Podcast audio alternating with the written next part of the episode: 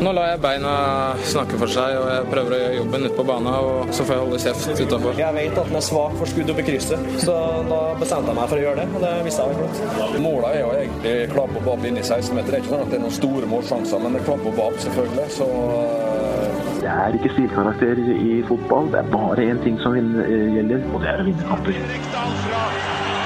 Han skårer! Norge leder 2-1! Norge leder! Viva la Norge! Og der er eh, toppfotball tilbake med en eh, ny episode. Det er deilig å være tilbake, Lasse. Ja, helt nydelig. Fantastisk. Det er eh, godt å se deg. Forrige uke så var du fraværende. Da var jeg missing in action. Eh, Da var det rett og slett foreldremøte i barnehagen. Og det kom jeg ikke unna, altså. Det er veldig fine avslagsårsaker, eller fraværsårsaker, her i toppfotball. Nå er Ja. Håvard borte igjen pga. sønnen. Ja, ikke sant? Ja, Vi er familiekjære folk, vet du. Inntil noen går inn og funder denne podden 100% og betaler fire årslønner, så er vi nødt til å ta litt hensyn. Ja, for da må vi gjøre det på kveldstid, ikke sant. Vi har jo, vi har jo noen av oss i hvert fall har jo normale, nesten normale jobber, i hvert fall. ja. Men hva har du, hva har du gjort uh, siden sist? Har du gjort noe spennende? Har du sett noen fin ball? ja, jeg har sett litt grann ball, og så Ja. har jeg jo Jeg har vært en liten tur i utlandet. Oi, hei sann. Ja, vært på guttetur til Budapest. Oi. Det var gøy. Ja. Og da må man jo fly litt, så da får jeg tid til å høre på podkaster. ja. sånn til og fra. Det er jo også gøy med sånn for så vidt. Jeg hører jo at uh, noen venner av oss i fotballuka har en liten beef med oss. Ja. Det er gøy. Ja, det er uh, Er de veldig sinte, du som Ja. kjenner de litt bedre? Nei, de er ikke veldig sinte. Det er én spesielt der som skiller seg ut. En, eh, en viss Morten Galaasen, som til og med har vært gjest her i, i studio. Ja, det var kanskje det jeg reagerte mest på. At han eh, innleder beef med oss etter å ha liksom vært gjest med oss. Var det så kjipt å være her? Du vet at eh, Morten Galaasen er jo Lillestrøm-supporter. Eh, det er tøffe tider for de nå. Såpass tøffe tydeligvis at man kan bli veldig lei seg hvis noen har kjøpt inn feil kopper til studio eller rota i fotballsjefene sine. Ja, altså ta, ta dette kronologisk. Da. Disse fotballsjefene må jo du ta skylda for, for det, vi skulle ta bilde med det. Ja. Så at du ikke kan rydde, det er greit. Det har jeg prøvd å gjøre noe med i dag, så jeg har lagt et nytt skjerf i samlinga hans, sånn liksom for å si sorry og eh, be om godt vær, da. Kan jeg gjette hva slags lag, eller? Ja, du kan godt gjette. Kan det hende det er Vålerenga, eller? Det kan hende. Ja. Tror du han blir glad? Nei. Nei. Nei. Jeg prøvde i hvert fall. Ja. Skal ha for forsøket, føler jeg. Ja. Ja. Disse koppene var ikke en kopp her når vi kom, men eh, nå er vi en Vi har jo våre egne kopper. Ja, ikke Enhver podkast med respekt for seg selv har sine egne kaffekopper. Ja. Ja. Ikke, topp, nei, ikke fotballuka, tydeligvis. Jeg vet ikke. Nei da, men Gallosen uh, har all rett til å være grinte. Han er på Lillestrøm, så da er det vel bare en sånn tilstand man har, kanskje. Ja, jeg vet ikke. det blir spennende å se om det bedrer seg, eller om man blir lykkeligere når det er nede i Obos. Ja, jeg vet ikke, men eh, ja, nå skal ikke jeg som Vålerenga-supporter sitte her og si at eh, det er, er helt sikkert at Vålerenga ikke rykker ned, for det er jeg ikke helt sikker på, kjenner jeg. Men eh, jeg håper uansett at mitt lille sånn tanke her ute om å gi en et nytt skjerf i samlinga blir tatt godt imot, altså. Jeg håper det. Apropos Vålerenga, vi har jo fått med oss en, en Vålerenga-legende her i studio. Fred og Santos, velkommen. Jo, takk for en introduksjon. Eh, eh, jeg, fø jeg går jo ikke rundt hver dag sånn eh, og føler på legende, men noen uh, sa det til meg en gang, og det er veldig hyggelig at du også sier det. Takk. Ja. Ja, det er kanskje vanskelig å gå rundt og, og tenke at man er legende, men Ja, det er liksom noe man ikke klarer å ha et forhold til, men uh, på den annen side, jeg spilte uhorvelig mange kamper, uh, og det er vel mer antall kamper enn nødvendigvis innhold eller prestasjonen i de kampene som gjør det. Ja, men så du er jo serie- og cupmester med Vålerenga, Ja, det er riktig. og har flest kamper i Vålerenga. Altså, det skal jo Nei, bare gikk Ja, nå gikk jo bare forbi, da, men du hadde flest kamper. Ja. Det må jo være greit å kalle deg en legende. Ja, takk skal du ha. det var veldig hyggelig. Og selvfølgelig, Berre er jo en mye større legende. Mye, mye større. Jeg er helt enig. hvor mange flere kamper fikk han? Nei, det er jeg litt usikker på. Eh, Ti eller noe sånt? Nei, det var litt mer. Ja, det var det. Jeg var liksom eh, Jeg tror vi har spilt omtrent like lenge, skjønner du, for jeg starta litt tidligere enn han. Ja. Men han holdt på jo på i en evighet. Um, og så var jeg mye Han er aldri skada, så jeg var en del mer skada enn han underveis. Ja, og så var det vel eh, en del flere europacupkamper, eh, hvis du tenker totalantallet òg, en periode der. Men da var vel kanskje Berre og for så vidt da òg, kanskje. Ja, jeg tror det. Han kom jo i 2003 når Ja, vi var ganske det, lavt det. lavt Ja. nede. Men uh, Men ja, antall minutter kanskje slår han der. Det var mye innbytte på slutten. Ja, det er for så vidt riktig. Men uh, jeg skal ikke ta fra han nå. Han Nei, nei, nei, overhodet ikke. Ja. Men du er ikke frista av et comeback i Skeid med DJ Solli og Vet du, det var Jeg var frista i fem minutter, kanskje, etter eh, at jeg så Eller kanskje litt mer. Etter at jeg så at han gjorde comeback, så dro jeg og så på comeback-kampen hans. Og så så jeg det ansiktsuttrykket han hadde, for han måtte starte den kampen pga. to forfall. Ja. det ansiktsuttrykket han hadde på vei ut til pause der, når det bare det rant uh, slitne tårer ut av øynene på ham. da tenkte jeg nei, det, det skal jeg ikke. Han har bare hatt opphold i snaut år, mens jeg har kutta han i fem år. Så det Så lenge varte den kriblinga. Men har du fått noe uh, sånne type tilbud etter at du la opp? Det er jo det aller fineste med å legge opp, er at man er mer ettertrakta enn noen gang. ja. men selvfølgelig på det nivået man hører hjemme på. Så jeg har jo oldboys-tilbud herfra og inn i evigheten, på en måte. Eh, og også en eller annen eh, sjuer og elver eh, langt ned i divisjonene. Eh, så ja, man føler seg jo litt sånn ettertrakta, da, selv om uh, ja, det er Hva ikke går, hva går tilbudet på? Sånn nye skolister annenhver kamp og sånn? Altså, jeg hadde jo en eller annen gang eh, en med Med Theisen av min moderklubb, som, hvor alle gutta spilte. Som jeg vokste opp med. Så hadde jeg liksom at det var Altså, de tulla i sånn en kasse øl i uka-greie. Det ble, var selvfølgelig aldri reelt, men så begynte jeg jo der. Og så spilte jeg ett- en og en halv sesong, og så begynte vi liksom å for de hadde holdt på kanskje i 10-12 år. Og så begynte vi å tape kamper på walkover. Altså Vi klarte ikke å stille sjuerlag hver mandag. Eh, så da ok, da spiller vi ferdig sesongen, sa vi, og så har vi en gravøl på en måte etter sesongen. Og da, på den gravølen, så kommer det 40 mann. Hvor er de hver mandag? Det var litt irriterende når jeg tenker meg tilbake på det. Ja. Men du har opplevd uh, veldig mye. Jeg sendte deg et uh, spørsmål som du kunne forberede noen spørsmål før du kom i dag. Hva er ditt beste fotballminne? Og da sliter du jo å, å velge litt. Uh, ja, det, Lasse var jo inne på det tidligere her. Vi har, har jo hatt noen, sånn, noen få triumfer da, som fotballspiller. Etter veldig mange år så er det deilig at man kan ha i hvert fall noen medaljer i, i hylla hjemme. Eh, så det er vanskelig å komme unna selve seriegullet. Altså Vålerenga hadde ikke vunnet det så ofte. Eh, og jeg har bare vunnet det én gang. Så det er jo det største minnet. Eh, sånn, selvfølgelig bortsett fra at vi slo vant Norway Cup i 1994, så er jo det det aller største. Men av sånn i voksen alder så er det det, da. Ja. Du, eh, seriefinalen i 2005. Ja. Da var jo du kaptein. Ja. Fordi HV var ute med skade. Burde du ha spilt den kampen sånn i ettertid? Du Nei, var ikke nei. helt frisk. Jeg hadde feber. var ikke Jeg var supersliten eh, fra sekund én, egentlig. Men det var ikke aktuelt å stå over når Tom Henning var uh, skada. Men eh, det, var, det var verdt det. eh, Å svette seg og slite seg gjennom eh, den kampen. Herregud, for en opplevelse. Du ja. følte jo på den du også, Lasse. Gjorde det? Men du har jo spilt Champions League med Ja, det, men med- det glemte jeg i farta. Ja. ja, det gjorde jeg. Eh, Mot Real. Madrid. Mot Real Madrid. Eh, grunnen til at jeg spilte, da eh, ja. Bare si, jeg satt på benken på bortebane. På hjemmebane så satt jeg også på benken. Ja. Men Knut Anders Fostervolls kone var gravid, og han fikk en telefon sånn litt mot slutten av Eller noen, ikke han selvfølgelig, han var på banen, men noen fikk en telefon litt på slutten av første gang og sa 'Det er i gang, du må komme'. Så han måtte bytte ut i pausen. Dermed kom jeg inn og fikk 45 minutter mot Real Madrid. Eh, så tusen takk til kidden til, og kona til eh, Knut Anders. Jeg burde visst hva de het, men det vet jeg ikke. Men var det litt sånn eh, Var du utelukkende glad, eller var, var det en litt sånn nervøsitet, eller eh, Ja, veldig nervøs, ja. ja, ja, ja. Men eh, jeg var jo glad også. Det var siste kamp for sesongen. Det var sånn Åh, sitte på tribunen hele tida. og Vært på, vi hadde vært og spilt bortekampen og liksom hadde ikke fått spille der. Selvfølgelig, jeg var bare happy. Eh, på Knut Anders sine vegne, selvfølgelig. Ja. Og litt, og litt, og litt minst. Ja, selvfølgelig. Men har du noe Du har jo skrevet en, skrevet en hel bok Mm. om samme, samme Skau og, og Thomas Aune. Om eh, livet som uh, middel- Ganske god. ganske god fotballspiller. Ja, det sto mellom det og verdens beste fotballspiller, og så føler jeg vi traff bedre på den. Ja. Men eh, den er jo full av gode historier fra hele karrieren din. Helt fra ungdomsåra, eller barneåra også. ja, det er fra jeg ble født, rett og slett. Så det er, ja. bokstavelig talt hele livet.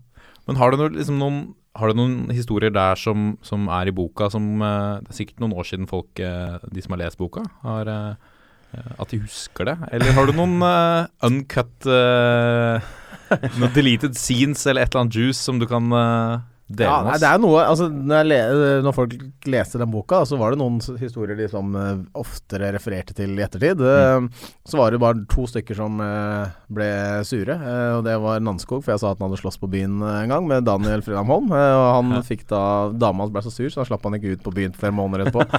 så det var jo Og så var det For det var jo sant, men han ble sur fordi han ikke fikk lov å gå på byen. Ja. nettopp. ja ja. Og så var det en og annen agent som ikke jeg syns var så imponerende dyktige, da. Eh, men eh, ellers så var det stort sett bare sånn gode, ah, rolige, fine historier, lune historier fra garderoben og miljøet rundt.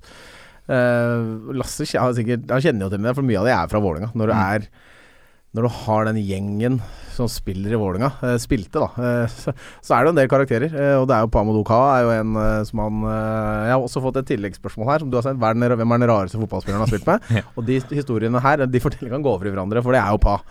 Han er jo på mange måter den pussigste skrua. I, han er jo kongen av Tøyen etter eget eh, hode, og han er jo helt eh, fantastisk gøyal å ha på laget. Han er høyt oppe og lavt nede. Han har liksom følelsesregister utapå seg, og han kommer på trening.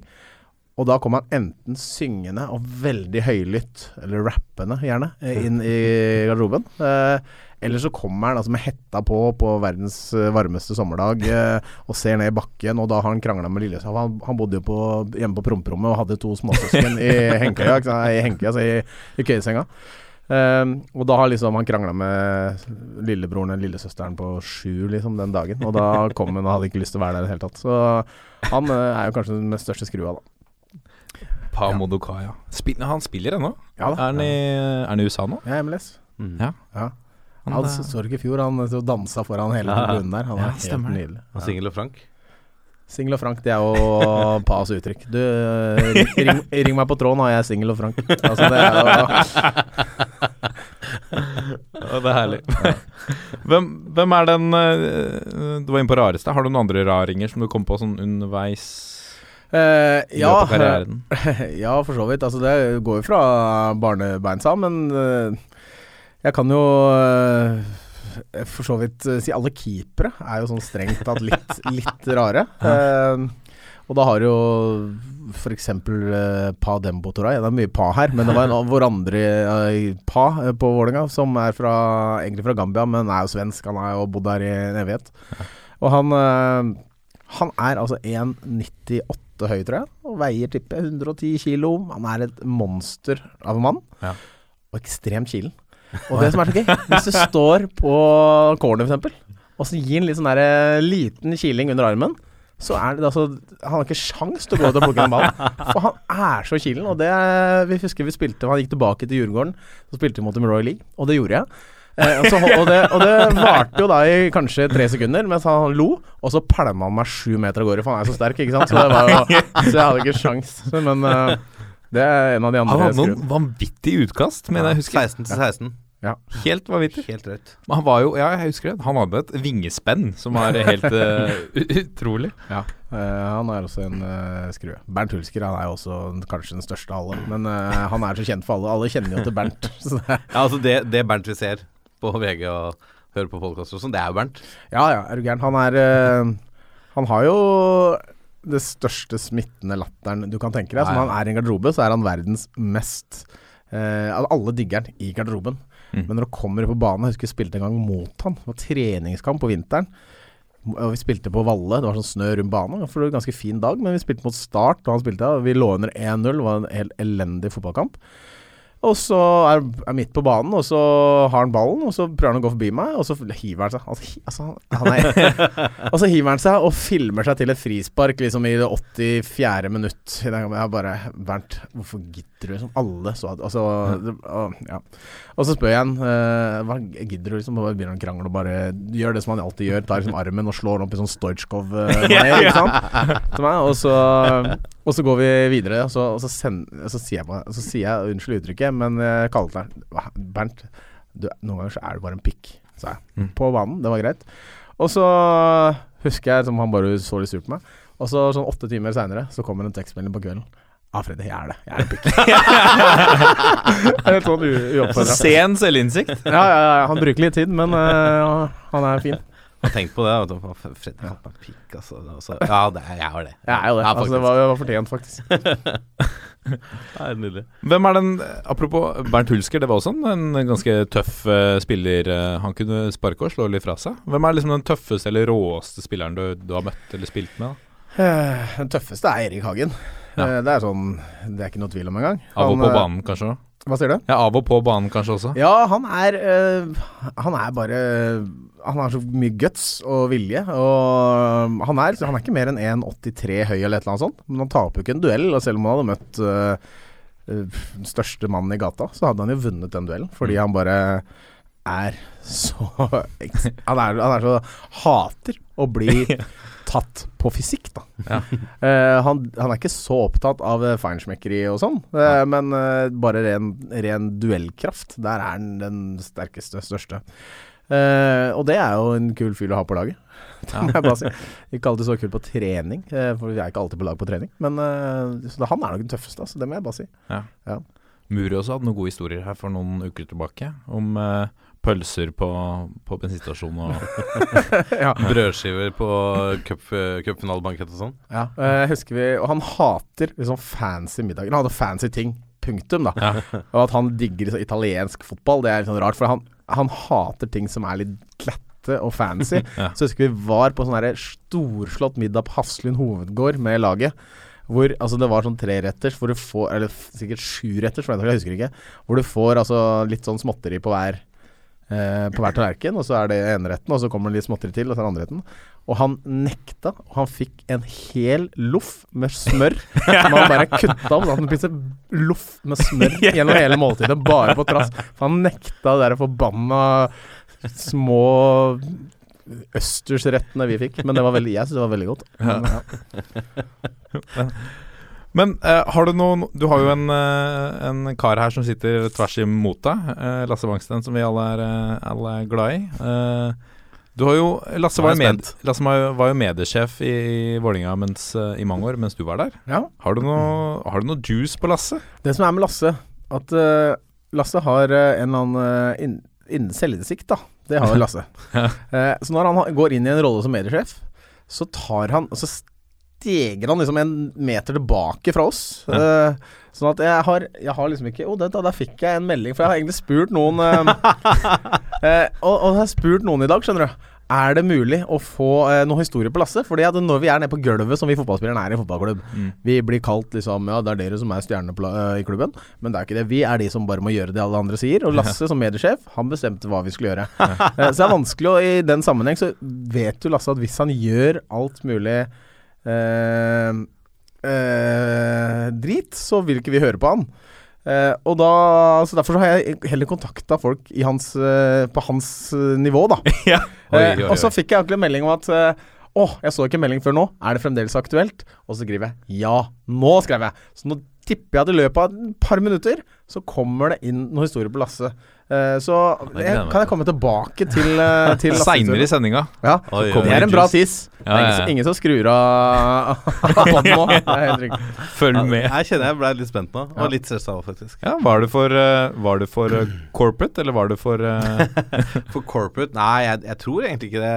Egentlig sånn Jeg forstår hva, du, hva Freddy mener, men eh, jeg prøvde å ha litt sånn eh, vennskapelig, kameratslig tone med gutta. Eh, for det var litt viktig også for å beholde det gode forholdet jeg hadde til dem. da Og Mm. kunne faktisk sende dem litt ut i mix-zone og på intervjuer når de egentlig ikke ville. Ja. For det hender det at fotballspillere ikke har så lyst til å stille opp i intervjuer.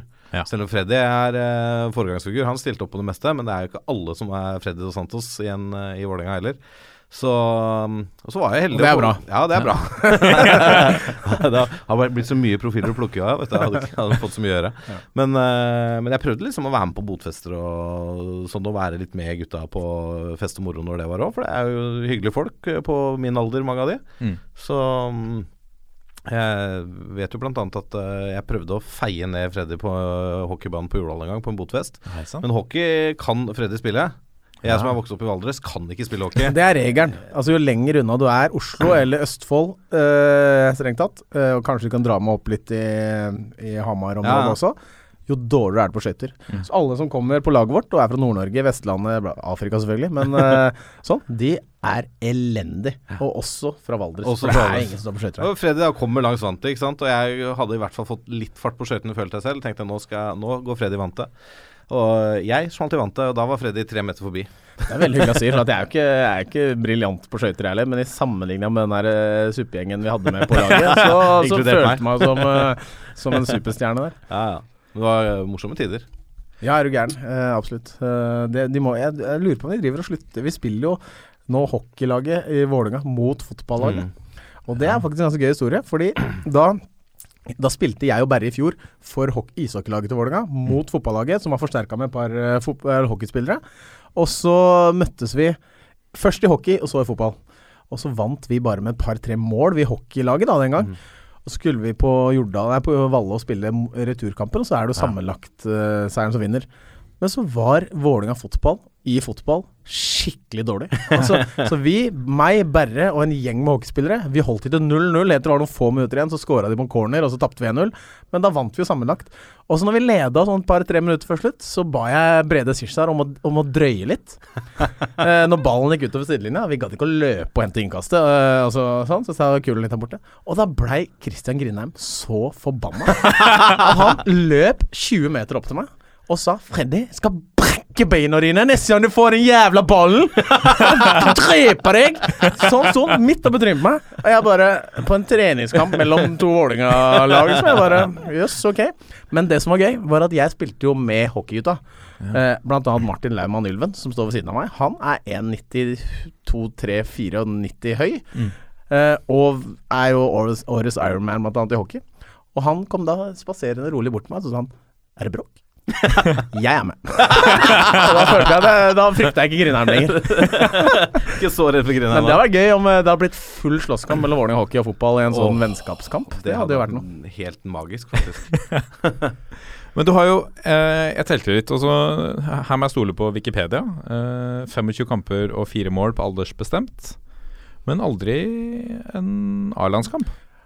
Nei, det er, det er korrekt. Det var jo eh, Jeg spilte min aller siste landskamp borte mot Sveits U21. Det var den Ja. siste kvalifiseringskampen før EM.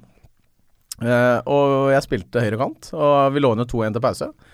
Eh, Nils Johan Sem, som da var trener, bytta meg ut, Uh, og vi vant 7-2. Uh, så det vil jeg si var et veldig godt bytte. Eh, men det var også det siste jeg gjorde i landslagssammenheng noen gang. Ja.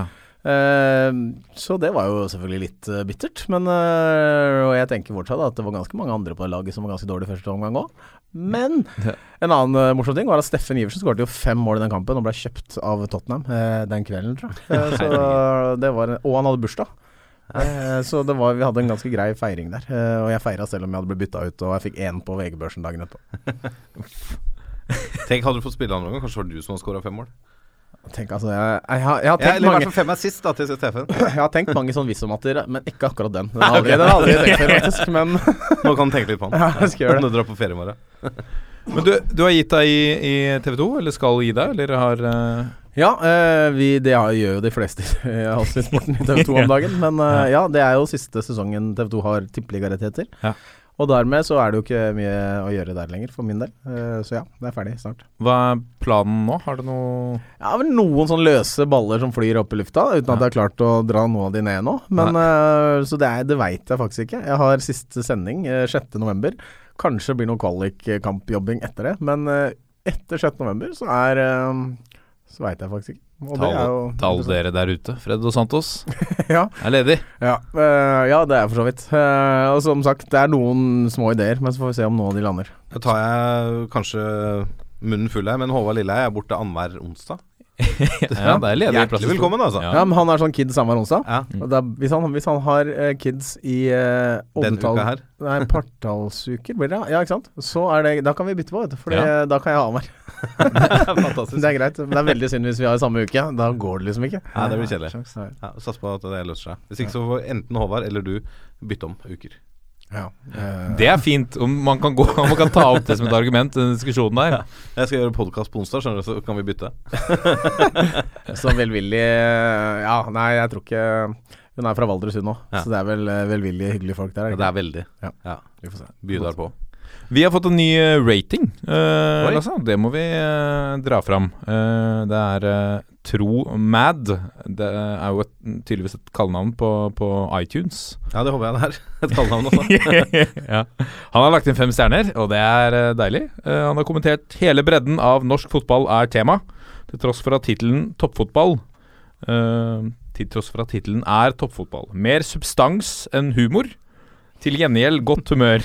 Lett å like hvis du faktisk er interessert i fotball. Hva føler du at du bidrar med, Freddy? Er det substans, eller er det humor? Ja, for det, her er det mer substans enn humor, så hvis dere har lyst til å balansere ut det, da, eh, Ja. så vil dere enten ha mer humor eller mindre substans. Jeg veit ikke om jeg kommer inn for å gi mindre substans eller mer humor, det veit jeg ikke. Det må kanskje Tro Mad, er det? det? Tro bedømme, man da. må gå inn. Kanskje eh, Hvis han bedømmer etter denne eh, podkasten nå, så kan han si om han har gått opp eller ned på den ene. På substans eh, eller humor. Ja. Ja. Jeg er spent på å se om han kommer rating neste uke. Ja. Gå inn på iTunes og legg inn en eh, rating, så leser vi det opp eh, her. eh, Så sant det ikke inneholder noe mannegruppa Ottar-type språk, så, så tror jeg vi skal ta og lese det opp. Uff a meg. Ja, nok om det. En litt Ja. Nå syns jeg du skar veldig langt ut fra komfortsonen din her. Ja, jeg, jeg begynte å bli litt varm i toppen, så kanskje vi bare skal gå videre. Vi gjør det.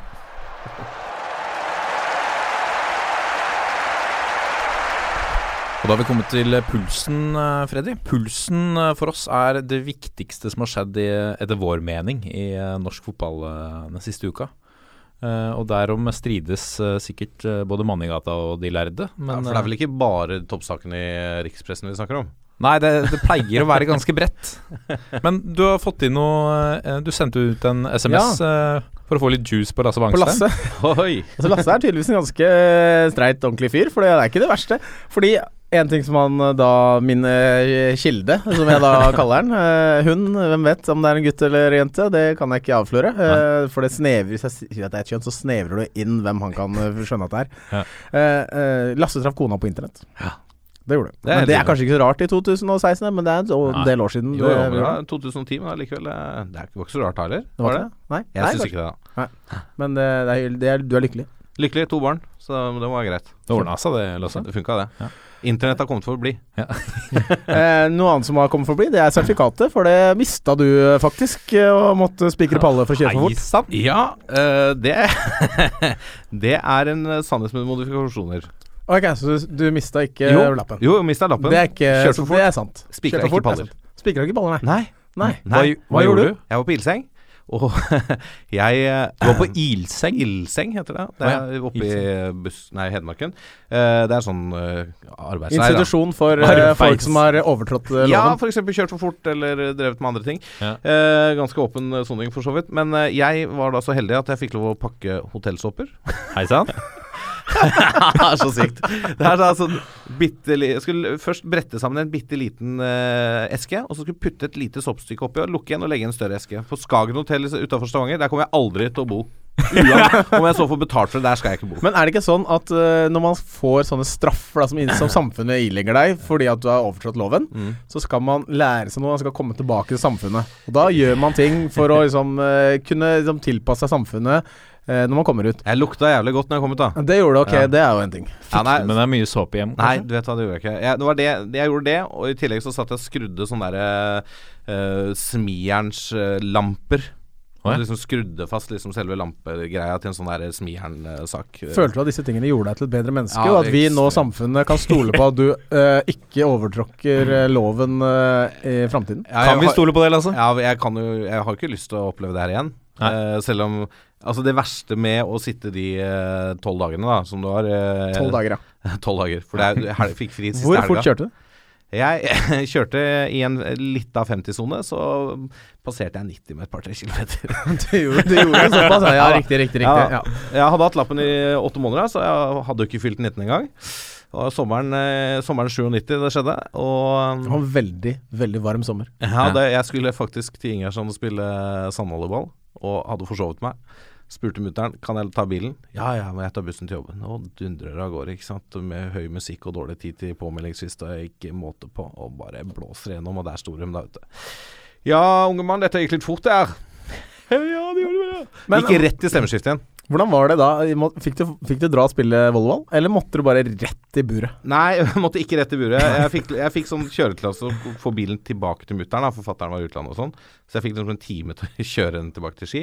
Det ble ikke noe sandvolleyball. Så, Ble ikke det, nei. nei, så ble ikke noe, ble ikke noe strandløve på meg den dagen der. Eh, ganske klein stemning å komme hjem og fortelle den, eh, må jeg ærlig innrømme. Men eh, så ble jeg satt, i, eller satt igjen, da. Jeg fikk sone sommeren etter, for jeg var jo liksom fortsatt på videregående. så jeg eh, var og jodla i eh, Karl Johan eh, 23.6.1998. Det er den dagen Norge slo Brasil, som vi hører i introen. Ja. Sto og jodla der 24.6, opp på ildseng, kom ut dagen før VM-finalen. Så jeg så hele sluttspillet til VM, altså åttendelsfinale til og med bronsefinalen, så jeg da i TV-stua på ildseng. For dere har såpass Dere er ikke sånn inne på et sånn veldig lite rom med køyeseng. Det er ikke noe selger, nei. Og, og du må være redd for om du har en veldig slem uh, kompis. Og, Nei, det er litt sånn uten Litt sånn uh, Litt streng uh, leirskole. Men en annen mann som eh, eh, får sin straff nå, er uh, din gamle lagkamerat Morten Berre. ja, og det er veldig, veldig gøy. ja. uh, Morten har jo da gjort comeback, som vi var innom, eh, i Skeid. Ja. Og de skulle spille borte mot Tromsø 2 nå på mandag. Ja. Eh, og da satt Bærum på benken. Ja. Eh, kom innpå i det 78. minutt. I det 85. minutt eh, så går han inn i en litt røff takling på Tromsøs høyrebekk. Jeg tror det er høyre. Berre mener at Og det, dette var et gult kort-verdig taklingsforsøk, Ja. ifølge dommer. Berre mente at høyrebekken overspilte litt. eh, og sa det ganske tydelig, med litt banneinnhold, Ja. til høyrebekken. Dommeren overhørte dette og ga sporenstreks et nytt gult kort, oh, og dermed rødt kort. Berre fikk sju minutter i den kampen før han måtte ut. Men du har snakka med han på telefonen. eh, Det har jeg. ja. Hva, si, hva sier han? eh? Eh, han eh, er jo litt pinlig eh, ettersom han jo har hyra inn av Skeid for å være litt forbilde for de andre, blant annet. som vi er en gjeng unggutter. Og i tillegg skulle i sånne situasjoner kanskje komme inn og roe gemyttene. Eventuelt liksom bruke sin rutine. Men det gjorde han da altså ikke. Eh, og bare sier at han følte Han hadde prata med dommeren etterpå eh, og sagt at det var jo ikke til deg jeg sa dette. Nei, men en sånn ordbruk må man slå ned på, eh, Morten. Så det fortjente gult kort. Og nå skal sies at Tromsø 2-keeper, eh, ikke sikker på hvem det er i farta. Kanskje det er vår gode venn han Kongs, Gudmund? Kongshavn. Jeg vet ikke om han som Jeg tror han er skada. Ja, det tror jeg også. Så det var sikkert en annen. Han eh, sa da i det fire minutter etter at Morten ble utvist, så brukte han de samme uttrykkene som Morten hadde brukt til bekken, brukte keeperen til dommeren, og fikk da direkte rødt. Oi, oi, Så det var jo en voldsomt temperament i denne 2-2-kampen mellom Tromsø 2 og Skeid. Men det her forteller meg jo Altså Morten Berre er jo en mann med vinnerinstinkt og vinnervilje. Og han har jo temperament på fotballbanen. Det vet vi jo, vi som har sett den på tett og på nært hold. Ja, og det er, han hater jo å tape. Ja, og uh, det er jo en av, de, en av grunnene til at jeg tror han holdt ut så lenge, og at Vålerenga ville ha han så lenge. Han var god, selvfølgelig. Han enda lenger, i mine øyne. Men Mm. eh, var jo at han på trening overalt så setter jo han en standard. Han er den som bare Han blir så forbanna. Og det som er også gøy, nå ble jeg sikkert litt sur for at jeg sier det, men på en trening litt tidligere i høst med Skeid, så hadde han spilt gjennom en han mente han hadde en helt nydelig pasning. Spilt gjennom på fem mot fem. Gjennom alene med keeper, og så var det en på motstanderlaget som holdt igjen vedkommende, som han hadde spilt pasning til. Eh, og så fortsatte bare spillet uten at det ble frispark. Og sånt takler ikke bare. Det hater Berre. Så han, i neste anledning, takler denne unggutten som hadde holdt i trøya, så inn i granskauen. Han må ut. Og dagen etterpå så sender han melding til Tom Nordli, som da er Berres sjef og hovedtrener i Skeid. Så sender den unggutten melding. Tom, eh, jeg kan ikke gå, jeg klarer ikke å stå på foten engang etter taklinga til Berre i går. Og det er forbildet Berre i en alder av 41 som takler unggutta i Skeid til, eh, til å bli skada. Ikke bra, altså. Nei. Berre er fin, altså. Bære er veldig fin. Jeg digger Bære. Altså, jeg, jeg tror Reka sa det en gang, at det, har du bære på laget på trening, så taper du nesten aldri. Nei, riktig. Uansett, altså. Han er helt uh, Han skalla. Ja, absolutt. Det er veldig gøy å se han uh, fortsatt spille ball på et eh, rimelig høyt uh, nivå Ja, det er det. i andredivisjon. Jeg er helt Eh. enig med Freddy. Han burde vært i Vålerenga nå. Jeg tror han kunne bidratt, faktisk. Om ikke 90 minutter hver kamp, men eh, i, i kraft av det han gjør på treningsfeltet. eh, noen innhopp nå og da, og En og annen golf. han skårer jo hvert år. Ja, han hadde skåra. Ja. Ja. Han skåra mer enn de aller fleste i Vålerenga i år, hvis han hadde spilt. Ok, vi, skal gå ned noen eh, divisjoner. Nei, men må vi få lov å nevne, det, siden Ja. du nevnte den kampen. Ja. Eh, Tromsø 2, uh, Skeid 2-2. Ja. Det hjalp jo egentlig nabolaget Tromsdalen ganske langt på vei til å rykke opp til Obos, da. Mm. Ja. For det Tuil trenger jo nå bare ett poeng, er det ikke det, for å rykke opp? Jo. ja, for de spilte jo da i den andre toppkampen. Altså det var jo Tromsø, Finnsnes og Skeid som har ligget der. Tromsdalen, Finnsnes og Skeid som har ligget der. Mm. Tromsdalen litt foran. eh, og de møttes jo, Tromsdalen og Finnsnes, gjorde de ikke? Mm. Uavgjort. 1-1. Ja, riktig. Finnsnes er jo da min uh, moderklubb, altså i forhold til at det er min mammas klubb, for ja. hun er fra Finnsnes. Ja, riktig. Så når jeg var liten, så var jeg oppe på besøk oppe hos bestemor, og spilte fetteren min på A-laget til Finnsnes, og jeg bare løp rundt og henta ballen bak mål når de skjøt utafor og sånn. Så jeg har litt forhold til det, det laget Er ikke det klubben til Per Jarle Heggelund, da? Ja, ja, ja. ja. Ja, ja, ja. ja. Han er jo superivrig. han eh, og så er det jo bommen, da. Ja. Bjørn Johansen som er trener, osv. Ja, ikke sant. Ja.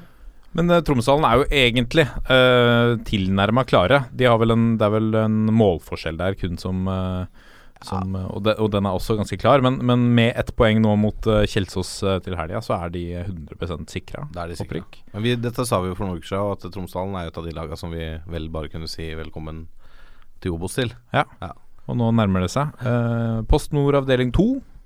Hvis vi skal se på litt uh, divisjon på Ja. hvordan ståa er. Elverum er jo, uh, er jo Obos-klare. Etter 5-0-seier mot uh, Gjøviklyn nå på lørdag. Ja.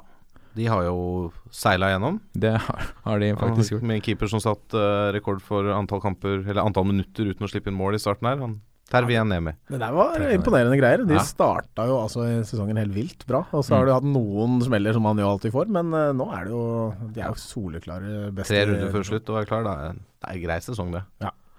Spennende å se hva de kan gjøre i Obos eh, neste år. Ja. Um, I Post Nord avdeling tre så er det vel den avdelinga som er mest spennende tre runder før eh, slutt. Florø som eh, leder, med tre poeng ned til nest Sotra. Ja, de slo jo mitt kjære Mitt og Freddys kjære Vålerenga, altså andrelaget, da. 3-0 i helga. Uh, en av våre menn, Endre Kupen, han skåra Ja. ett av måla. Type, vet. Han er jo den som har skåra mest i de tre øverste divisjonene i Norge så langt. Jeg tror han har 4 eller 25 ja, nå på 22 kamper. Yes. Så han eh, Han også har vi ringt. Håvard har sånn Håvard ringer noen-spalte. Så vi ringte Kupen. Veldig uh, nedpå type. Men han er eh, Vi, vi snakket vel litt om det når du putter så mye i uh, annendivisjon, så er det vel mest sannsynlig Obos-klar uansett om laget ditt rykker opp eller ikke. Ja, det vil er det. overraske meg om ingen uh, lukter på det på, i høyere divisjoner. Det blir spennende nå. Det er tre kamper igjen. Nest siste er jo da mot Nest Sotra. Hjemme mot Nest Sotra. Annenplassen, Den blir jo avgjørende. Den blir eh, fort uh, avgjørende. Ja. Et, uh, en rysere har et uh, oppgjør der oppe. Ja. Uh, PostNord avdeling 4, der er det jo avgjort også. Arendal går opp etter 6-1-seier mot mitt kjære Ørn Horten. med brukket rygg. Ikke uventa nederlag, men fortsatt Det er tungt, altså. Se 6-1 er vondt uansett. 6-1 er vondt uansett. Nei, det var eh, trist. Men fantastisk, eh, fantastisk jobb de har gjort i, i Arendal også. Tørum og, og co. Ja, og det blir jo spennende på Sørlandet til sommeren. Mm. Eh, dersom Jerv ikke rykker opp, sannsynligvis, så gjør de jo kanskje ikke det. I hvert fall ikke direkte. De kan jo klare det gjennom kvalik. Det ser jo ut til at noen andre rykker opp fra en eh, divisjon Mm. til Tippeligaen. Men da, i Obos-ligaen neste år, så har du jo da tre lag fra Sørlandet. Ja. Så kanskje det er det som skal få i gang litt entusiasme igjen eh, der nede. For det har vært eh, litt, ligget litt brakt rundt eh, Eller heter det brakk? Brakk, ja. Brakk, ja. I, på Sørlandet. Interessen i det siste. Så det Men gøy. var det veldig mye interesse på Sørlandet da Mandalskameratene og Start var i samme divisjon? da? Eller er det for langt igjen? Nei, ja, det var iallfall i, de, i de kampene de møttes, så Ja, var det jo det. det. Eh, og nå får du noen av disse lokaloppgjørene, da, så Ja. det er jo alltid bra. Det er gøy, det. Tørum sa jo på spøk, kanskje, men kanskje ikke spøk. Men tre, Tørum er jo treneren til Arendal. Eh, at de skulle bare suse gjennom Obos-ligaen rett til Tippeligaen Oh. Så om han får rett, veit jeg ikke. Men, uh, Men han sa det på ramme alvor. Han uh, sa det på en måte idet de akkurat har vunnet. Står i denne store sirkelen som man alltid gjør i garderoben. Og så holder alltid treneren eller kapteinen en liten appell, gjerne treneren. Og da sa han det. Vi suser gjennom Obos-ligaen neste år. Hvor alvorlig det var ment, vet jeg ikke.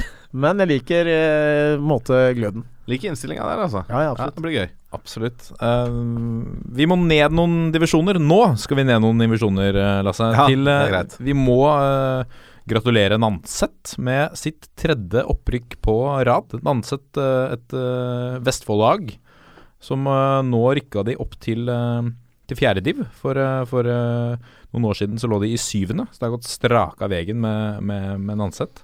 De sikra opprykket nå i, eh, i forrige uke med seier 3-2 mot mot Falk Borre. Uh, Ja, det er sterk seier. ja, det Absolutt. Uh, og så feira de opprykket nå i, uh, i helga med, med 7-3-seier over Flint 4. Da det- kjenner jeg at jeg stusser litt. Flint 4 i fjerdedivisjon, Ja. altså på nivå 5. Ja, Jeg har ikke sett noe Flint verken i Obos eller andredivisjon. Altså. Nei, men jeg mener at det, kanskje det går an at det er Flint eh, 2 Nei, Flint 1, 2, og 3. Det kan ikke ligge i uh... Alle ligger i tredje? Tredje? Men kanskje det er bare navnet? Altså, de er i Ja. 19, altså Flint 4. Kanskje altså, kanskje det er ja, ja, ja, eh, bare det det er Det ikke har noe med flint Se her, å gjøre du, helt når vi får inn sånn derre Substans. Substans, substans, ja. Det er helt nydelig. Ja. Ja, det er kanskje sant. Det er bare navnet. Flint Ja. 4. Grattis til Nanset, eh, i hvert fall. Eh, noen divisjoner opp, eh, Lasse. Obos, vi eh, har toucha litt eh, innpå det. Eh, Kristiansand. Eller Kristiansund. Kristiansund. Kristiansand har vi snakket om. Kristiansand har vært så vidt innom. Til Kristiansund. Ja, de eh, er vel så godt som klare for Tippeligaen, eller? De eh, møtte Ullkisa nå sist, og Ullkisa har jo vært forholdsvis svake sånn generelt over i sesongen, men leda 2-0, da. Men eh, Kristiansund snudde det vant 3-2, og sånn som det ser ut nå, så blir det vel da tre lag fra Møre og Romsdal i eh, Tippeligaen neste år. Mm. For, for det, altså nå, Ok, nå skal Kristiansund møte eh, Jerv borte. eh, eller Fredrikstad hjemme i neste, da. Først og fremst. Og Fredrikstad er jo egentlig et formlag, selv om de gikk på en liten blemme mot Ranheim sist. De gjør faktisk de 1-6 med Ørn Horten. Blir jo nesten et pent resultat i forhold til 1-7. Ja, hjemmebane. Mot Levanger, var det ikke? Nei, mot Ranheim. Ranheim. Og Ranheim hadde ikke vunnet på seks kamper. Så var helt utafor. Vinner 7-1 i Fredrikstad. Men de har da Fredrikstad hjemme i neste, og så er det Jerv borte, og til slutt Sandefjord hjemme. Det er jo altså ett formlag og to lag som kjemper om uh, opprykk. Mm. Jeg tror det skal litt til. Altså de, de er åtte poeng foran Jerv med tre kamper igjen. Jeg skru, tror det skal litt til at de ikke rykker opp. Mm. Uansett øh, hva de møter, egentlig. Da må Ja, nå med, ja, med FFK neste helg. Så, Ja. Og at de sikrer opprykk der Og hvis de da skal få null poeng på disse tre kampene, så må jo da Sandefjord få tre poeng til. Og de er jo fire poeng foran uh, Jerv allerede, så da skal, skal mye gå Jervs vei da, for å få direkte opprykk, i hvert fall. Absolutt. Uh, Sandefjord må ha to seire på de siste tre for å være sikra. Ja. Uh, hvis Altså det spørs jo på, på, på Jerv, da, selvfølgelig. Mm. Blir spennende å se. Jeg håper for helt ærlig Jeg håper på tre sørlandslag i, i Obos uh, neste år. Ja, det gjør jo den divisjonen litt uh, mer spennende. Altså, å Ja. si, det er jo gøy med Kristiansund, de er jo mer eller mindre oppe nå. Men uh, Sandefjord også. Det er jo litt uh, gøy med en stadion. Lars Bohin, et Mm. lag som prøvde alvorlig på et liksom, lite prosjekt for da de var oppe for Det var i fjor, da. Ja. Mm. Eh, men som virkelig falt gjennom. Eh, og så har de hatt et, et år til på å finpusse dette. Kanskje de eh, klarer seg bedre til neste år. Jeg er litt interessert i å se hvordan Sandefjord måtte, har respondert på, på det faktum at alt gikk i skogen i fjor. Da. Eh, Men jeg, ja. altså, det virker jo som uh, Grå-Lars er veldig tro mot uh, spillestilen sin. Grå-Lars Ja, han blir kalt for Grå-Lars. i Vålinga blir Ja, kalt for ja. Grå- Grå-Lars. Rent pga. at han i en alder av noen og er kanskje 40 Tre-fire, var ja. gråere enn Ravanelli i håret. Han blei fort grå, da. Men det, han, han ser jo bra ut. Sånn fra et, en ja. heterofilsmanns Ja. ståsted, så ser den bra ut. Absolutt. absolutt det, det er, Dette er din ekspertise, Lasse. Så Ikke sant? Det er profiler og sånn, ikke sant? Det ser du. Nei da. Men uh, Grå-Lars uh, er veldig tro mot den spillestilen, og det virker som Sandefjord tror på nå. Uh, Ja. Og det virker som det det nedrykket var liksom helt greit. Og jeg vet ikke hva de tenker mot neste år, om de skal etablere seg eller hva, hvordan det blir. Men eh, det er som du sier, det blir spennende å se åssen det funker i Tippeligaen nå etter et år til med spillet inn. For det føltes som de spilte da forrige gang de var Robo, så rykka opp. Så spilte da het jo Adecco. Så spilte de 3-4-3-5-2 og lykkes var bedre motstanderne sine og fikk brukt alle sine svakheter Eller fikk dekka over alle sine svakheter. Eh, men så de møtte litt bedre lag i Tippeligaen, så ble alle de svakhetene avslørt. Og om de da har lært eller utvikla eller fått nye spillere som er bedre i disse rollene, det er litt interessert i å se neste år. Så Mm. Sandefjord er jeg litt spent på neste år om de bare går på samme blemma igjen, eller om de har faktisk eh, skjønt tegninga litt. da. ikke tippa på nedrykk. Ja, det Som alltid. Som alltid. Vi må ta med oss uh, våre venner i Torp eh, IF, eh, Lasse. Ja. Som uh, ble seriemestere i uh, femtedivisjon. De rykker jo ikke opp. Nei Rykker ikke opp, men Nei. eh, de ble seriemester.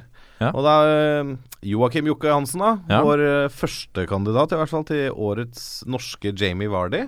Ja. Vi driver prøver å finne det. En eller annen som kan skåre litt i lavere divisjoner og kanskje gjøre det bra på sikt. Skåre Kanskje gjøre det bra på landslaget òg, etter Ja, på sikt. Vi må Ja. være på landslaget. Jeg er litt usikker på om det er Jokke, altså, på sikt. Men eh, i hvert fall fant- vant 5-1, var det ikke det? Over Berg. Ja. Og Jokke skåra to, han. Fantastisk. Så han har hatt et, uh, en grei sesong, han. Brukbar sesong. Brukbar sesong. Av en ydmyk, rolig type, som han var da vi ringte han. Også en nedpåfyr, altså. Ja, absolutt. Eh, vi må jo ta og oppsummere litt hvordan ståa er uh, frem mot uh, før vi avslutter denne kåringa. Men da må vi ha med oss Jørgen Kjernås, uh, føler jeg, som er uh, leksikonet. Ja, vi må ha med oss Jørgen. på Men vi begynner å få en, eh, en eh, romslig liste med kandidater på årets Vardi. Ja, vi har noen, noen å ta av nå. Det er tøft i, topp, tøft i toppen. Tøft i toppen. Absolutt. Får de en kopp? Vinneren? Ja, vi må finne et eller annet, da. Nei, det var bilen til Håvard. Bilen en, Nei, en eh, Toyota Yaris, tror jeg det var. Ja, det var det det var, ja. Ja.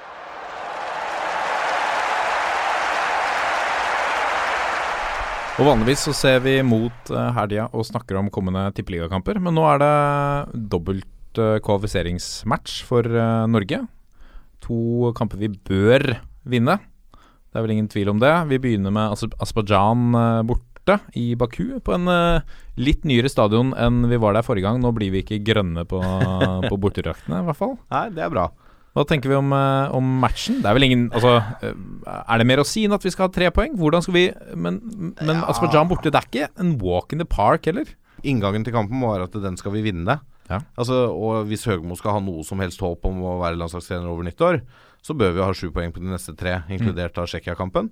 Og da er jo vel egentlig Aserbajdsjan og San Marino de to kampene du kanskje skal vinne, da. Av de. Og det er jo Ja, nei, det er eh, Jeg skal tenke sånn i, eh, i hele kvalifiseringen under ett. Vi skal ha tre, er sju poeng i disse tre kampene. Kan vi godt droppe et mot San Marino og vinne mot de to andre, eller Ja. Ja, ja. sånn, Ja, og slå Tsjekkia. Men herregud, borte mot Aserbajdsjan, hjemme mot Aserbajdsjan. Uansett så bør vi vinne. Vi klarte det ikke i forrige kvalifisering eh, på hjemmebane. Så, eh, så ingenting skal tas for gitt. Men dette er jo kamper vi strengt tatt bør vinne, hvis vi har noe ambisjon om å gå videre fra kvalifiseringa. Helt klart. Og jeg kjenner at jeg gir egentlig blanke i hvordan vi vinner den kampen i Baku, altså. Mm. Eh, det kan være så pragmatisk de bare vil. Den skal vinnes. Det er det som er fokus, ikke begynne å snakke om spillerutvikling og at det var mye gode relasjoner i et eller annet. Altså det, nå, skal, nå må du vinne, Høgmo. Det er, Ja. det er liksom ikke så mye mer å tenke på, egentlig.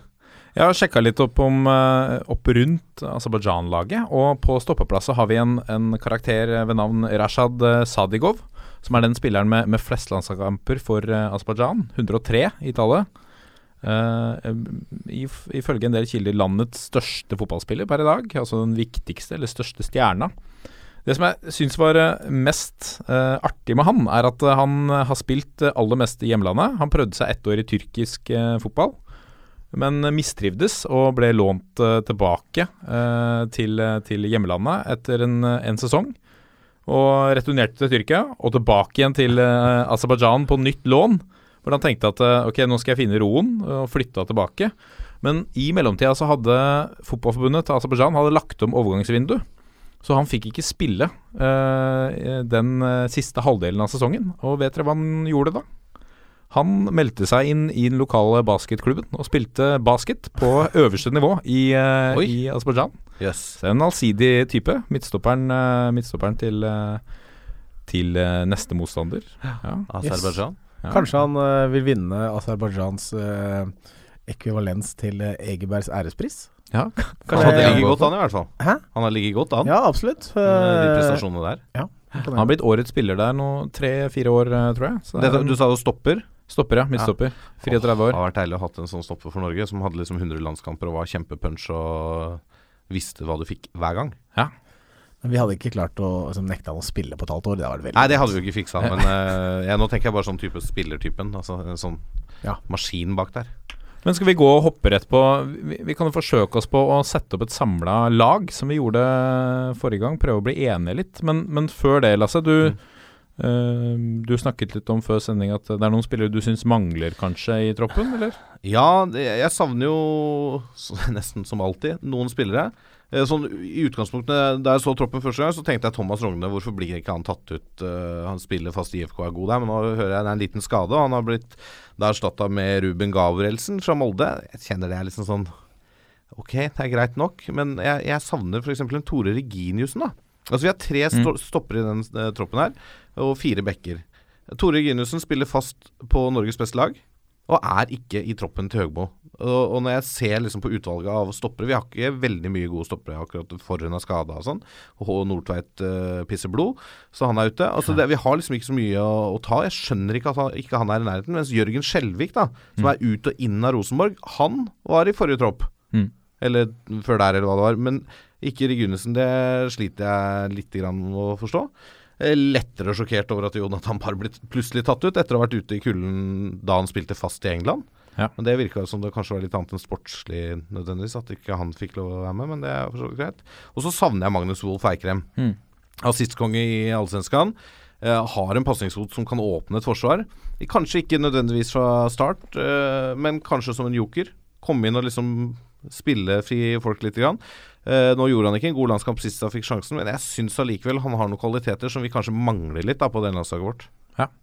Er det noen av, Hvem av gutta her eh, som er med nå, eh, har du høyest forventninger til, eh, Freddy? Av, eh, av våre menn? Eh, Nei, jeg syns jo det er eh, veldig gøy å se at Ole Kristian Selnes lykkes veldig godt i fransk fotball. eh, hvor han får skryt uke inn og uke ut. Og det, vi trenger en playmaker på et lag, en som tar ansvar på midten. Og Stefan Johansen har vært den tett i en viss grad, men nå er uh, har Tetti vært mye skada. Stefan Hansen er så langt unna laget i Fulham som det går an å komme omtrent. Og Han var ikke i troppen sist. Nei, og det, da trenger man en ny, en som uh, spiller og har selvtillit. Så Mm. jeg, jeg er veldig spent på om Ole Kristian Selnes klarer å eh, dekke det rommet, da, for det er en utrolig viktig posisjon i det laget til uh, Høgmo. I tillegg eh, så har jeg lyst til å se Per Siljan Skjelbreid inne sentralt på midten, ikke ut på en kant. For det, det er som å bruke eh, Altså, han er landslagskaptein, og noen ganger så har det føltes som han bare Han må spille. Hvor skal vi finne plass til? Vi, vi sitter her på kanten. Og det er jo ikke hans posisjon, så han kommer jo aldri til å være spesielt god der. Han kommer til å gjøre manns jobb sånn defensivt og løpe og alt det greiene der. Men det er jo inne på midten. Han gjør det bra i Hertha Berlin. Og gjør det Gjør man det bra i et lag som, som er eh, Bundesliga-materiale, så kan du spille bra for Norge også. Ja, så, så de to kanskje jeg er mest spent på, men selvfølgelig Man er alltid mest spent på det offensive. Joshua King kan liksom bli den spissen vi håper han kan bli. Jeg vet ikke. Ja, spennende. Det er veldig spennende. Er det noen du savner her, da? Som du ville hatt med? Utover min- eh, Wolf Eikrem og Jeg så min kollega var, Jesper Mathisen var veldig ute etter å få Martin Ødegaard på, på laget. Jeg er ikke enig, altså. Jeg bare Jeg syns ikke han har vist nok til ja, Selvfølgelig han gjorde det han spilte i Tippeligaen, og han trener med gode spillere i, i Real Madrid osv. Men jeg syns ikke han har vist nok i de kampene han har spilt. Eh, kanskje man kan si at ikke han har passa inn i systemet, jeg vet ikke. Men foreløpig så er ikke han en spiller jeg nødvendigvis eh, uh, føler må på det laget. Uh, jeg skulle også, som Lasse, ønska meg var- var- feikrem Eikrem på, på et laget. For det er ikke mye mål i de spillerne som ser her. Hvis du ser på den lista over hvem som har scora mål for Norge, Mm. så har Tariq El Nossi scora ni. Eh, ellers så er det ikke veldig mye. Altså Joshua King fem. Bortsett fra det så er det ganske få mål eh, i, eh, blant disse som spiller her. Og da trenger du en som er involvert i mål, og det er eh, Wolf Eikrem. Det er ikke alltid han scorer sjøl, men han er involvert i det som skjer. Han er involvert i målskåringer. Eh, så jeg tipper jeg hadde likt å ha dette laget. Skal vi gå rett på, på hvilket lag vi hadde tatt ut eh, fra start, eller begynne med keeperplass? Ja. Er det Der har jeg satt opp uh, Jarstein. Ja, det, er, det bør vel ikke være noe tvil akkurat nå. Jarstein eh, står fast for Hertha, som er og lukter på topp fire i Bundesliga. Eh, og jeg syns ikke han gjorde seg bort mot Tyskland, selv om vi tapte 3-0. Uh, Nyland har hatt litt sånn så som så landskamper i det siste, og har ikke vunnet en kamp i Ingolstadt siden Jeg kan kanskje ikke si krigen når vi snakker om Tyskland, men jeg har ikke, har ikke vunnet kamper på veldig lenge, da. Nei. Eh, så jeg syns Jarstein bør være en soleklar ener for Norge nå. Ja, Er du av samme oppfatning, Fredrik? Ja, det er, det er ikke noe, i mine øyne noe tvil. Uh, selv om uh, Nyland har, er et, og André Hansford er gode keepere. Men Mm. akkurat nå så ville jeg brukt uh, den spilleren som uh, er i form, og som eh, spiller på det høyeste nivå, og det er Rune Jarstein. Og Høyrebekk. Det er vel Jeg føler også backrekka kanskje sier seg litt ja, selv, eller? kanskje bekkene, men altså Jeg syns jo Jo- Jonas Svensson bør være høyrebekk eh, av de vi har. Altså Vi har en Vegard Eggen Hedenstad som sikkert kan gjøre en jobb. Og, eh, og så er Jonathan Parr er venstrebekk, og Haitam Walesami kan sikkert spille høyrebekk, han også. Men jeg, jeg tror akkurat der så ville jeg valgt Svensson, altså. Ja, Vært god i tippeligaen og løper opp og ned krittet der. Så Mm. jeg stemmer for han. ja, når Roma El Abdullahi ikke er med, så er Jonas Svensson soleklart førstevalg i mitt, mine øyne. Han har vært en av tippeligaens beste spillere i et par år nå. Uh, og gjør aldri, eller i hvert fall veldig sjelden, dårlige kamper. Eh, så ja, jeg er helt enig. Stoppepar, som vi allerede har diskutert. Der skulle vi kanskje hatt inn en litt større bauta, men uh, hvem, eh, hvem lander vi på, på der? Eh, nå kom Ruben Gabrielsen inn sist. Skal han rett inn på laget, eller? Hvis du ser liksom det antall landskamper disse stopperne vi har her eh, som har under beltet, så er ikke det Det er ikke Rune mest Gabrielsen null. uh, Stefan Strandberg åtte. eh, Heven Hovland 19. Uh, det er de tre vi strengt tatt har å velge mellom av stoppere, med mindre vi flytter ned uh, eh, han eh, Eh, fra Arsenal. Nei, fra Western. Nordtveit. Men han, han Han, er meldte forfall. Han meldte forfall, riktig. Ja. ikke sant? Det, det, det surra jeg bare. Ja, Så det er, ikke, det er ikke så det er ikke som det er, For mine øyne så er det Hovland og Strandberg i denne sammenhengen her som Ja. må spille. Jeg er helt enig. Altså, du kunne, kan kanskje forsvare en Ruben Gabrielsen pga. ramma hans. Han er svær, stor og sterk, og jeg vet ikke helt åssen Aserbajdsjan spiller. jeg. Men øh, jeg ville jo hatt inn, som sagt, Reginiussen øh, på laget Mm. istedenfor øh, Men av de som er her, Strandberg og Hovland, helt klart. Og uh, venstreback er vel kanskje ikke den store diskusjonen med Haitam Alsami? Jeg tror ikke vi skal diskutere det så mye. Tenk å bruke tid på det. Jeg tror jeg vi er enig med, med Høgmo. Jeg tipper han er enig med oss. Ja. Det bør han være. Midtbanen er det jo litt mer spørsmålstegn rundt, kanskje, hvordan den skal se ut. Vi har allerede diskutert det litt. Skal Men du satte opp en femmer, ikke sant? Vi skal spille 4-5-1? Ja. ja. Greit, da er det greit. Vi begynner med, med kantene. Høyre kant. Skal ta kantene i ett, eh, for så vidt. Hva, hva har dere tenkt, Freddy? Ja, jeg som sagt Jeg vil ha spillere i sine naturlige posisjoner. Eh, hvor de trives og spiller i, i klubblaget. Så på høyrekant, i mine øyne, så bør Pål André Helland spille. Eh, en spiller som etter hvert har blitt eh, fått eh, noen kamper på rad og skadefri og med selvtillit. Skåra sist eh, kamp i Tippeligaen, og ja eh, Der, der syns jeg han fortjener plassen. Jeg er helt enig. Er, av de vi har her, så Du kunne selvfølgelig vurdert en, eh, en Berge eh, på høyrekant, men jeg tror han er enda bedre på venstre som innoverkant enn en utoverkant. Og jeg tror den rollen som innoverkant for Helland der funker bra på landslaget. Altså. Absolutt. Og uh, han kan gjerne fortsette å ta frispark, som han gjorde mot Island. Ja, fint det. Eh, er, veldig, er veldig fint. Ja, Veldig bra det, hvis han gjør det. Venstre kant. Dio? Ja, det står mellom Dio og Berge i mine øyne, Ja. og jeg velger uh, Dio fordi han har en utrolig fysisk uh, tilstedeværelse. Det er uh, forhåpentligvis, da når vi spilte mot Tyskland, så noe Så da var, det, var han mer han, De trengte han mer hjemme på eget 16-meter for å takle og følge bekken, men mot Aserbajdsjan, mot San Marino, som etter kommer seinere, så trenger vi en spiller som er inne i boksen og som gir oss litt pondus der, så jeg mener Dio. Så spiller han forholdsvis fast i Premier League. Det er bra erfaring å ha med eh, når det skal bety litt for, på landslaget. Så jeg er helt enig. Dio bør spille venstre, venstrekant. Jeg hiver meg på den. Tre mann på Dio. Uh, sentral midt. Nå lukter jeg Har dere tenkt å vrake landslagskapteinen vår, eller får han spille sentralt? Jeg eh, velger å spille med Skjelbred i den ene indreløperrollen, Ja. eh, og vraker Stefan Johansen. Ja. Jeg, for jeg er helt enig med Freddy, og det har vi snakka om før òg. Å bruke Skjelbred på kanten er bare rør. Mm. Eh, nå, han spiller fast for Herta, bra lag i Bundesliga. Stefan Johansen er ikke i troppen engang for Fulham. Han virker helt ute derav. Spilt en del dårlige landskamper òg. Mm. Eh, og selv med de andre Det er to posisjoner til sentralt der, men ene indreløperrollen gir jeg til Skjelbred, i hvert fall.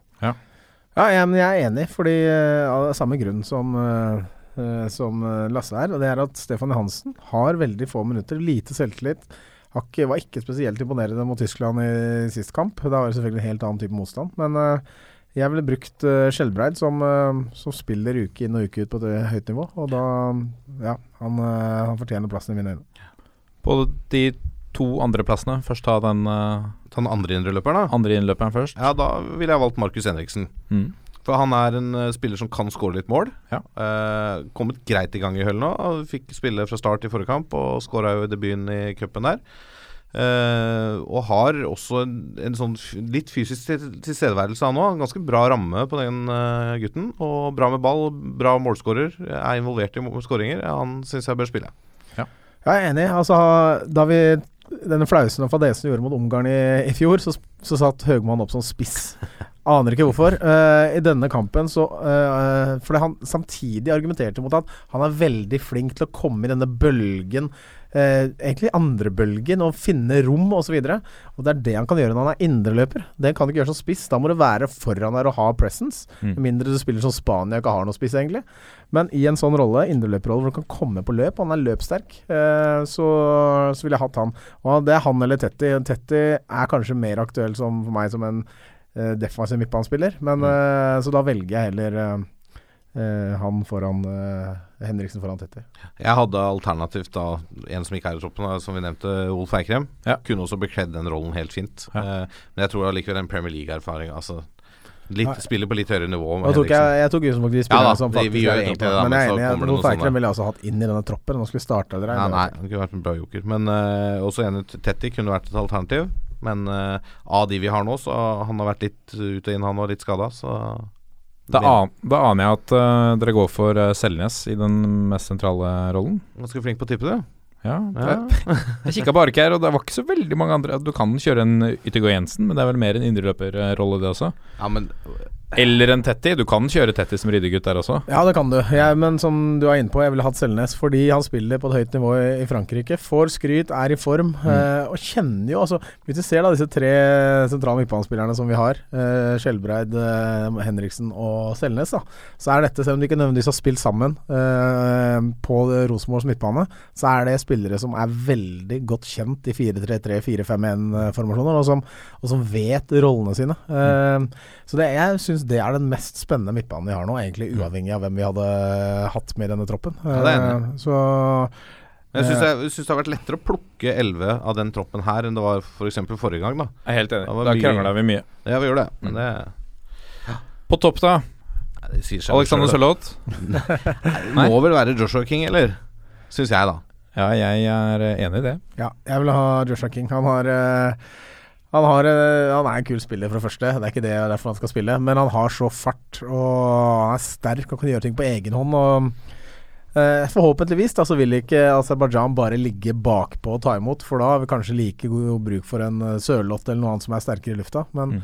forhåpentligvis så vil Aserbajdsjan prøve å komme litt fram på banen, og da er det masse rom for, eh, for Joshua King. Jeg syns det er gøy at eh, Tariq også er med i, eh, i eh, troppen igjen. Ja, det er, altså han har jo 39 kamper, 9 mål, altså, og han har gjort det bra nå i Olympi Olympiakos. Så det er morsomt at han er tilbake, og det er sikkert helt fortjent. Men jeg tror han ikke han skal starte. Nei. Men hvis det blir sånn at uh, Aserbajdsjan legger seg bak på murer igjen, så syns jeg de bør vurdere f.eks. å flytte, flytte Dio fram, og så dytte inn Berget på kanten. For Berget òg har ganske bra fysikk. Mm. Uh, og, da, og Dio er jo en maskin. Ja. Så, men jeg, og av da de andre her, så Berget må få spilletid, mener jeg. Ja. Han bør være en soleklar førsteinnbytter.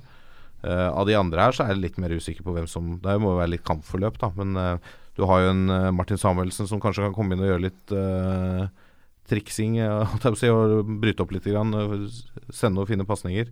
Um, San Marino hjemme Ja, det bør være en kamp Martin. Samuelsen. skal du mure igjen litt, sånn for å dytte inn Tetty, da, sammen med Selnes. Uh, liksom, Hvis du leder 1-0 og det er en ti minutter, så dytte inn Tetty og, og mure inn foran uh, stopperne der. Ja. Så det, det ser sånn helt greit ut, egentlig. Ja. Det bør være mulig å vinne. Ja, absolutt. Nå har uh, du fått laget, Per-Mathias, så nå er det bare å kjøre taktikkpraten med gutta. Nå eh, begynner parkeringa til Freddy å, å løpe ut her, så vi bør eh, kanskje runde. Har du noe mer juice på Lasse Wangstein før vi avslutter, eller? Ja, men da, eh, neste juicen her kommer vi rett ned i underbuksene, og da tenker jeg at det er ikke sånn som eh, vi skal ha med på, på podkaster som skal kringkastes til hele Norges befolkning. Så jeg, jeg velger å stå over, og så holder jeg da kildene mine tett til brystet. Det setter jeg veldig pris på, Freddy, og jeg vippser deg penger etterpå. Vi er eh, Toppfotball på Facebook, eh, Instagram, eh, Twitter og eh, ikke Snapchat. eh, men det skal Håvard Lilleheie ta seg av. 2020. 2020. Uh, gå inn og send oss gjerne en, eh, en melding eller et spørsmål. Vi er tilbake neste uke.